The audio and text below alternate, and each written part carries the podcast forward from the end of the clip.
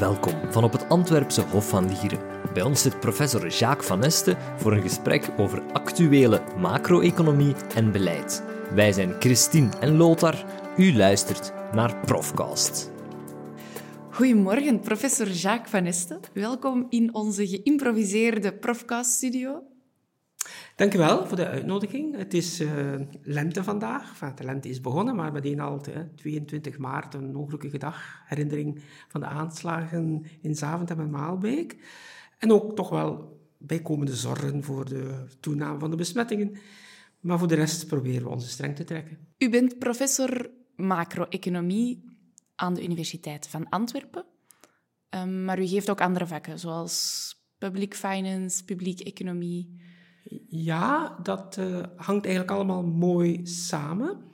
Um, publieke economie, publieke financiën, dat is eigenlijk een blik op wat de overheden doen. En je kan dat vanuit een micro-economisch standpunt bekijken, in de zin van uh, wat doet de overheid met ons geld? Is dat efficiënt besteed? Zouden die dingen meer of minder in de handen van de overheid moeten geven? Maar overheid heeft ook een impact op het macro-economisch beleid, bijvoorbeeld via haar schuldopbouw of begrotingssaldi. En dus heeft macro-economie daar uiteraard ook wel een zijn zeg in. En bijvoorbeeld via het beleid naar werkgelegenheid, de incentives die je geeft, uh, heb je ook een heel grote invloed op de arbeidsmarkt. Minder op het prijsbeleid, vroeger wel, maar we weten, uh, inflatie is nu een doelstelling van de ECB. Dat is eigenlijk uit de handen van nationale overheden gehaald. En daar bent u vooral mee bezig, in het dagdagelijkse werkleven? Ja, uh, ik pik veel op uit standaardwerken, uh, handboeken, en dat probeer je coherent op te bouwen. Dat is soms zoals een mecano die precies allemaal netjes en uh, zonder enige nuance als een mooi architectuurontwerp in elkaar past. Maar de werkelijkheid is vaak anders. Uh, als je rondkijkt, uh, bevestigen en soms ontkennen de feiten wat je in theorie geeft. En dan moet je dat proberen uit te leggen als een uitzondering op een systeem dat nogthans stand houdt.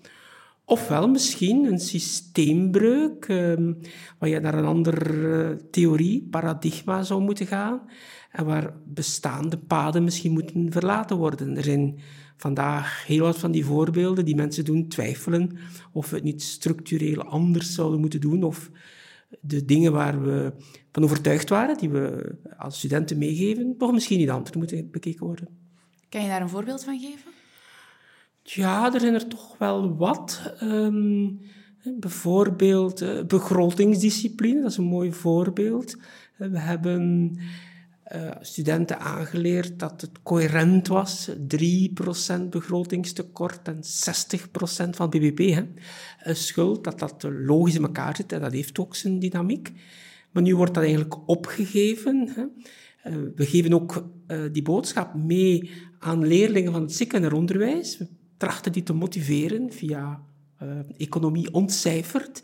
Dat we proberen de sleutel te geven, te ontcijferen hoe het in elkaar steekt. En Vroeger was Europa daar heel strikt op.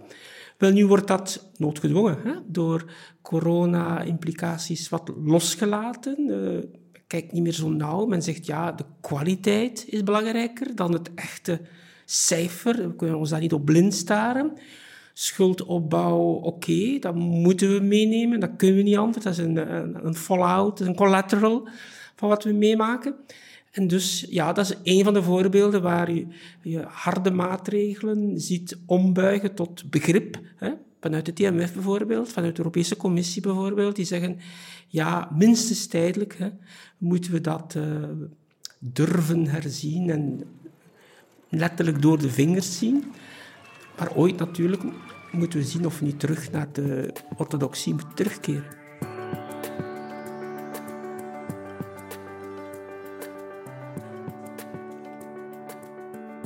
We zijn een hoge staatsschuld aan het opbouwen. We vroegen Jacques of dat gevaarlijk is. Wel, als we de normen van Maastricht bekijken, is het supergevaarlijk, want we zitten waarschijnlijk in België stilaan aan het dubbele. En nogthans blijft het weefsel toch wat intact. Hè? Ehm, is dat gevaarlijk um, omdat we ooit dat moeten terugbetalen? Is het een zorg voor uh, het uitsmeren in de tijd en de terugbetaling daarvan? Het is vooral een zorg om de verhouding terugrecht te trekken. Uiteindelijk is een verhouding teller-staatsschuld noemer BBP, dat is de ratio. Dus de issue is proberen eh, die groeiende economie terug te krijgen. En hoe kunnen we dat doen? Um, als ik het zou weten, zou ik waarschijnlijk uh, een andere positie zitten. Maar ik kan misschien wel wat voorwaarden schetsen hm, om die groei terug te, uh, te, krijgen in onze landen. Hm. We moeten hm, ja, competitiever worden. Onze arbeidsmarkt moet flexibeler worden. We hebben nog een voordeel of een effect van corona, een versnelling gezien van digitalisering. Dat verhoogt de productiviteit.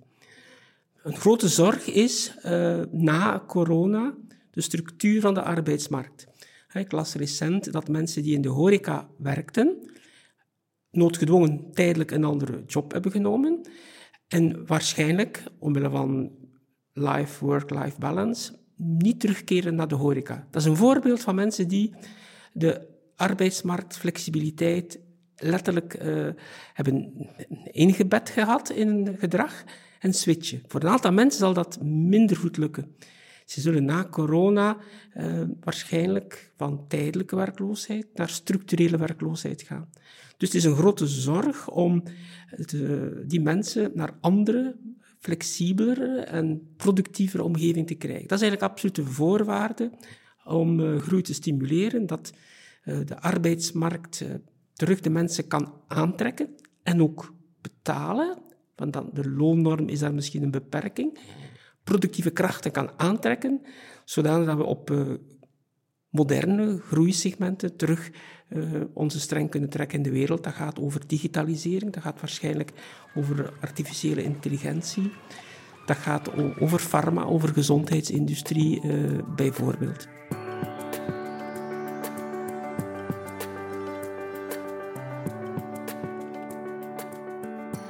Oké, dat, is, dat is al een interessante introductie. Het is maandagochtend en jullie zijn eigenlijk collega's.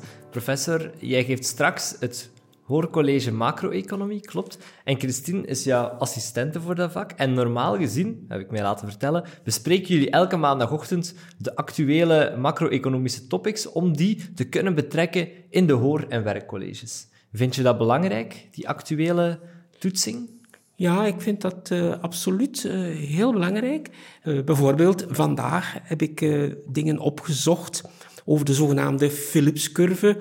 Dat is een pijnpunt voor de student, maar dat is niet zo gemakkelijk. Dat gaat eigenlijk over werkloosheid, niveau van werkloosheid. En de veranderingen, de veranderingen in de inflatie, neemt de inflatie nu toe of af? Wel, ik heb mooie voorbeelden gevonden van zogenaamde Philips-curve uh, in Japan, in de Europese Commissie. En dus dat toon je dan, en dan zien de studenten tenminste dat wat ze moeten blokken, wat op een multiple choice examen misschien een twijfel tussen A, B of C zal zijn, eigenlijk toch wel in de werkelijkheid bestaat. Hè. Uh, het is niet de economie van de planeet Mars, het is de economie van deze aardbol. Je hebt vanochtend een artikel meegebracht dat je met Christine wou bespreken. Waarover gaat dat? Wel, dat is een column uh, in de standaard van al meer dan een week geleden van Hert Peersman over de loonnorm. Hm? En eigenlijk het pleidooi daar is om na te denken om die loonnorm af te schaffen. Wat is de loonnorm? Uh, de meesten kennen dat wel. Het is eigenlijk een afspraak tussen werkgevers en werknemers, waarbij we twee jaar vooruit, voor de privésector, zegt wat de maximale groei van de lonen mag zijn de werkgever van een kan zeggen, oké, het is wel weinig, 0,4 procent over twee jaar, maar vergeet niet, in België hebben we natuurlijk een aanpassing aan de prijsindex, dus al in zit je toch goed gedekt, reële koopkrachtstijging en compensatie voor de inflatie. Werknemersafvaardiging zijn doodongelukkig, vinden het veel te weinig, uh, zelfs in mijn dorp zijn uh, werknemersafvaardigingen, vakbonden, met lege dozen naar een containerpark gestapt, zeggen, voilà, het is een lege doos. Hoe kan je daaruit komen? Wel, de overheid zou kunnen tussen beiden komen. Liefst niet. Trachten zo lang mogelijk de hete aardappel te leggen bij werkgever, werknemers. Misschien zullen ze toch wel uh, eruit geraken om her en der wat extra's te gunnen aan sectoren die het goed hebben gedaan.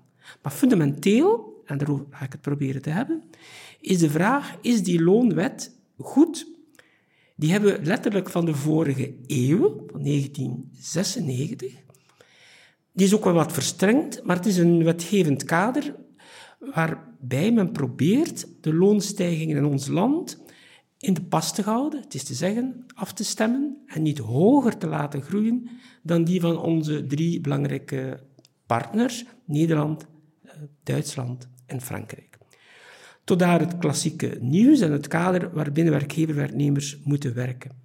Waarom nu die loonwet misschien in vraag stellen? Wel, sinds vorige eeuw hebben we de euro gehad natuurlijk. En wanneer wij onszelf wat uit de marktprijzen minder competitief werden, ja, daar was er een automatische sanctie, riskeerden een devaluatie. Die maatregel is er nu niet, en dus zeggen de werkgevers, reden te meer om dat zeker te doen. Anderen zeggen, ja, ondanks die uh, loonnorm van 96 zijn onze prijzen meer gestegen dan het buitenland. Het remt eigenlijk de productiviteit af. Waarom? Waarom zouden werknemersafvaardigingen, vakbonden, e-commerce aanvaarden, wat flexibiliteit en productiviteit verhoogt? Waarom zouden ze dat nemen als de lonen toch automatisch stijgen? Het is eigenlijk een rem op productiviteit langs de kant van werknemers en werkgevers in de bedrijfssector. En als die prijzen inderdaad gestegen zijn, dan is het blijkbaar niet, of niet in de eerste plaats, door de loonstijgingen, maar wel door de opbrengst van de tweede. Economie heeft altijd twee productiefactoren, hè, naast arbeid op kapitaal, omdat dat rendement eigenlijk gestegen is. En het pleidooi is dus eigenlijk om niet alleen te kijken naar wat eh, de arbeid eh, oplevert van de toegevoegde waarde, maar ook wat de productiefactor kapitaal eruit haalt.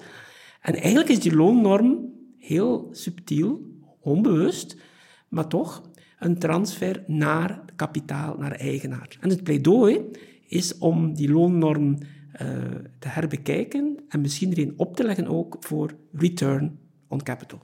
Dus voilà, Lothar, zo bespreken wij eigenlijk elke maandagochtend kort voor de les de actualiteit. Maar dat is toch ook wel heel interessant voor jou om zo'n gesprek elke week te kunnen voeren? Ja, inderdaad. En dat vullen we dan natuurlijk ook nog aan met onze besprekingen van Beau Séjour. Ook niet onbelangrijk. En jullie bespreken Beau Séjour? Oh ja, kort hè. Ja. Ja. Ja, Beau Séjour is een uh, fantastische fictie en de rol van het kleine Jasperke is eigenlijk iemand van mijn gemeente, een heel pinter ventje, uh, Lennart Korne. En ik vind dat hij uh, eigenlijk wel zijn manneke, letterlijk dan, zijn blond ventje, staat naast de grote Jeanne Bervoets. Dat is een, een West-Vlaamse jongen, toch? Je bent van West-Vlaanderen. Uh, ja, en ik ben blij dat u dat vraagt, alsof dat u dat niet doorheeft. Um, maar ik sta verwonderd als ik naar de radio luister hoeveel heel dialect West-Vlaamse songs het maken eigenlijk over heel Vlaanderen, is het als curiosum, is het uit respect dat u weet, West-Vlaams was ooit bijna algemeen Nederlands. Oh god, wat een jammerlijke vergissing. Maar um, blijkbaar slaat het aan. Het is ook sympathiek om te zien als ik naar kijk. Ik luister dus naar Beau Séjour en ik kijk ook naar de ondertitels. Zeg ik, kijk eens aan. Hè de internationale taal van West-Vlaanderen wordt vertaald voor de parking. Ik vind het niet zo objectief, zijn blik naar het procedure. Spreekt de verhaal nu ook aan, uh, professor? Of? Het verhaal is een beetje uh, vergezocht, maar acteertalenten vind ik wel uh, mooi. Ja. En eigenlijk is lesgeven, zij het voor een meer leeg dan volle aula, toch ook wel een beetje een performance.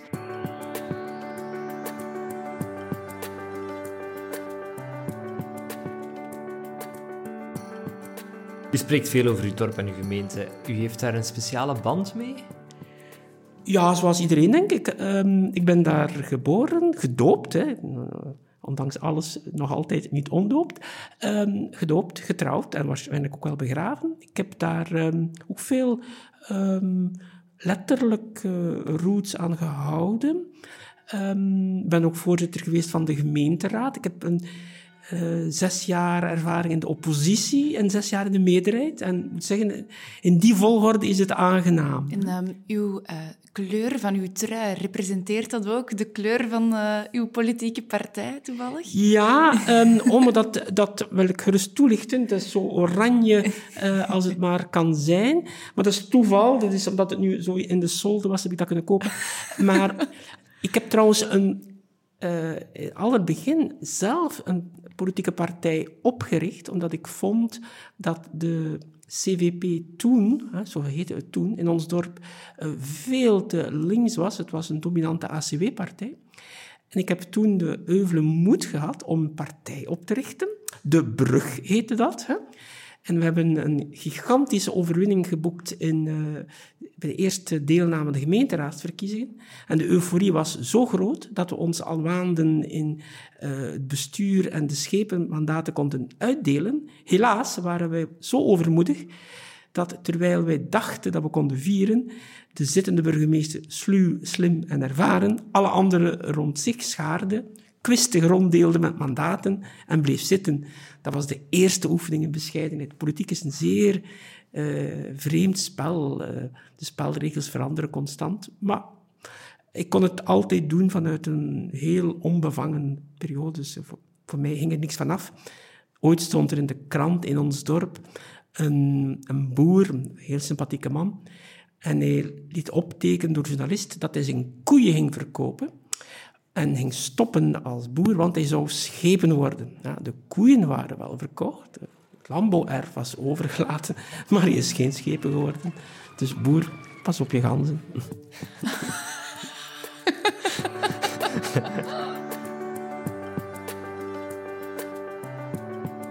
naar macro-economie. We zitten nog steeds in een gezondheidscrisis en professor Van merkte op dat we deze anders aanpakken dan de vorige financiële crisis uit 2008. Na de financiële crisis zijn de overheden tussengekomen, maar vooral eigenlijk om de financiële sector te stutten. Dus de uitgaven die de overheden deden was om eigenaar te worden uh, van banken. België heeft nog altijd hè, Belfius, uh, Dexia, gemeentekrediet, uh, al die roots daar op zich genomen.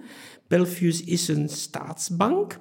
Uh, doet het overigens vrij goed. Dus die overheidsbestedingen, maar ook andere banken, KBC bijvoorbeeld, hebben middelen gekregen. Die zijn ook ondertussen terugbetaald. Dus dat was eigenlijk een inspanning vanuit uh, economisch oogpunt die bedoeld was om een cruciale sector, de financiële sector, terug uh, ook bij de les te krijgen. Hier uh, gaat het vooral over bijkomende schulden ja, om te stutten, om een vangnet te zijn in alle mogelijke richtingen van alle operatoren in de economie die het lastig hebben. De gezinnen die inkomensverlies lijden en die een tijdelijke 70% geplafonneerd eigenlijk transfer, tijdelijke werkloosheid krijgen. Het gaat over overbruggingskrediet voor de zelfstandigen. Het gaat over uitstel uh, die met de, het omwringen van de armen aan de banken is bedongen uh, voor kredieten. Dus het is een heel ander arsenaal.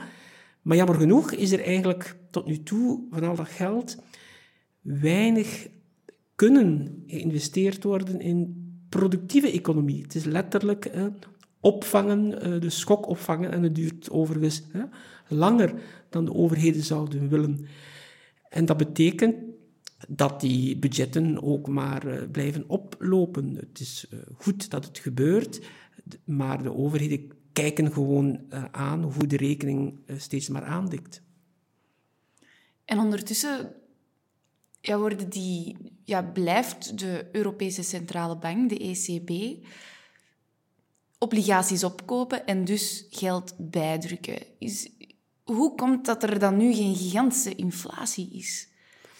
Wel, dat is een zeer uh, moeilijk te, te, vatten iets. Hè. De geldhoeveelheid neemt uh, zo geweldig toe. Er is wel wat inflatie, maar niet degene die ze echt willen. Er is inflatie uh, omdat de aanvoerlijnen wat stokken. Blijkbaar is er zoveel vraag naar chips dat bijvoorbeeld ook de auto-industrie nu in de moeilijkheden komen. En nu hebben we eindelijk door in Europa dat we niet alleen mondmaskers en vaccins, maar ook chips moeten maken. Dus daar uh, stokt het wat. Maar inderdaad, uh, als je de theorieën zou bekijken, die geldhoeveelheid zou moeten doorstromen in hoge inflatie. Het blijkt dat er toch wel um, een beperktere transmissie is. Hè. De overheden genieten van zeer lage rentevoeten, wat het risico inhoudt dat ze te lang, te veel schuld zouden opbouwen die niet productief is. Ze kunnen zeer goedkoop ontlenen. De financiële sector kan massaal geld uh, opnemen en doorsluizen, het transmissiemechanisme, naar de ondernemingswereld toe. En moeten dus ook oppassen om niet te, in de val te trappen, om kredieten te verlenen die het misschien ook niet verdienen. Uiteindelijk, de belangrijkste zorg bij kredietverlening is niet het rendement, is wel de zekerheid, of de vrij grote zekerheid, dat je geld terugkrijgt. Dus het stokt wat uh, op verschillende uh, vlakken. En um, wat inflatie, wat meer inflatie zou waarschijnlijk wel nuttig zijn, hè? omdat we dan vanuit de kant van de consumenten meer appetijt uh, zouden hebben in het aankopen van goederen. Maar de onzekerheid neemt toe als je ziet dat ondanks alles uh, het geld op de spaarboekjes van de Belgen is toegenomen. Dus wij zijn uh, de onzekerheidsfactor, het risico, liquiditeitsvoorkeur noemen we dat, toch helemaal niet vergeten. Um, het mechanisme werkt atypisch. Vandaar dat ik zei in het begin, we moeten onze vraag stellen, is dat het nieuwe normaal? Of is dat echt maar omwille van de omgevingsfactoren dat het tekstboek niet werkt? Je kan moeilijk aan studenten een tekstboek uitleggen en dan zien dat het in de werkelijkheid voorlopig anders draait, ja, dan moet je dat minstens proberen te kaderen als een uitzondering. Als het dan niet een nieuw normaal is, maar ik denk nog altijd dat het een uitzondering is. Dus als um, de crisis voorbij is en mensen beginnen hun geld terug uit te geven, dan kunnen we opnieuw een hogere inflatie verwachten? Dat zal uh, hopelijk toch ook zo zijn. Hè. Dat zal ook uh, heel wat zorgen wegnemen um, in de horeca, in, in de mode, in, in duurzame consumptiegoederen. Ik denk, we hebben geen autosalon gehad, we hebben geen um, bouwbeurs gehad, um, kledingzaken klagen. Dus er zijn heel wat mensen die uh, vaststellen dat de consumptie, de investeringen toch wat slabakken bij ons consumenten.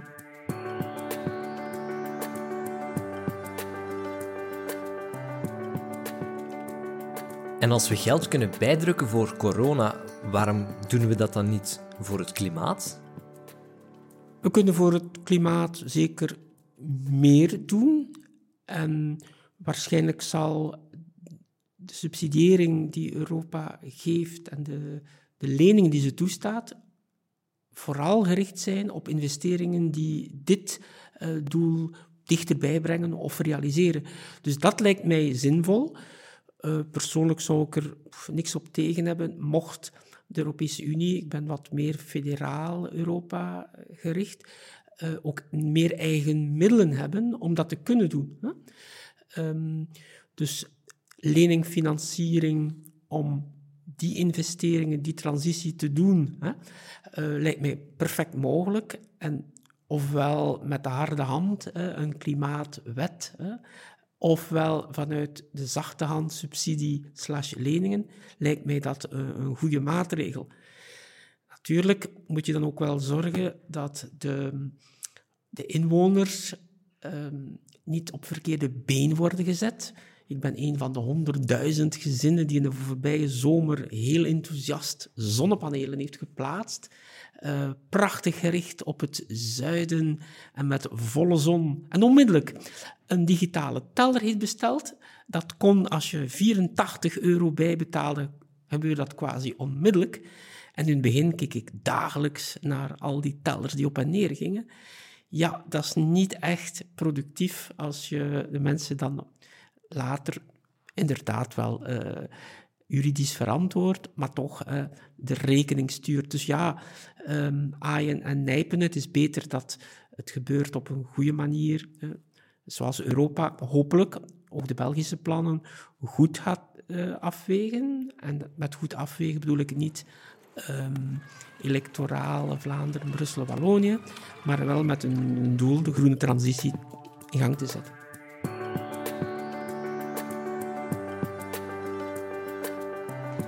In september 2022 gaat Jacques Van Este op emeritaat. Ik zal het uh, ongetwijfeld ook wel missen, maar meer dan 40 jaar voor jonge mensen staan is, is, fijn, is goed geweest. En anderen staan te trappelen om het ook te doen. En je moet hen die kans geven op het podium. The next uh, step um, is always better than the previous one, dus um, the best is yet to come. Bedankt voor het fijne gesprek op deze leutige maandagochtend. Oké, okay, uh, over uh, drie kwartier zien we dan terug de studenten. Dan zijn we in een andere setting. Hè? Voilà, ready to perform. Ready to perform. Fijn gezegd. Prettige dag allemaal. Dag. Dit was Profcast met Jacques van Esten. Bedankt voor het luisteren. Wil jij meer horen? Surf dan naar uantwerpen.be-profcast.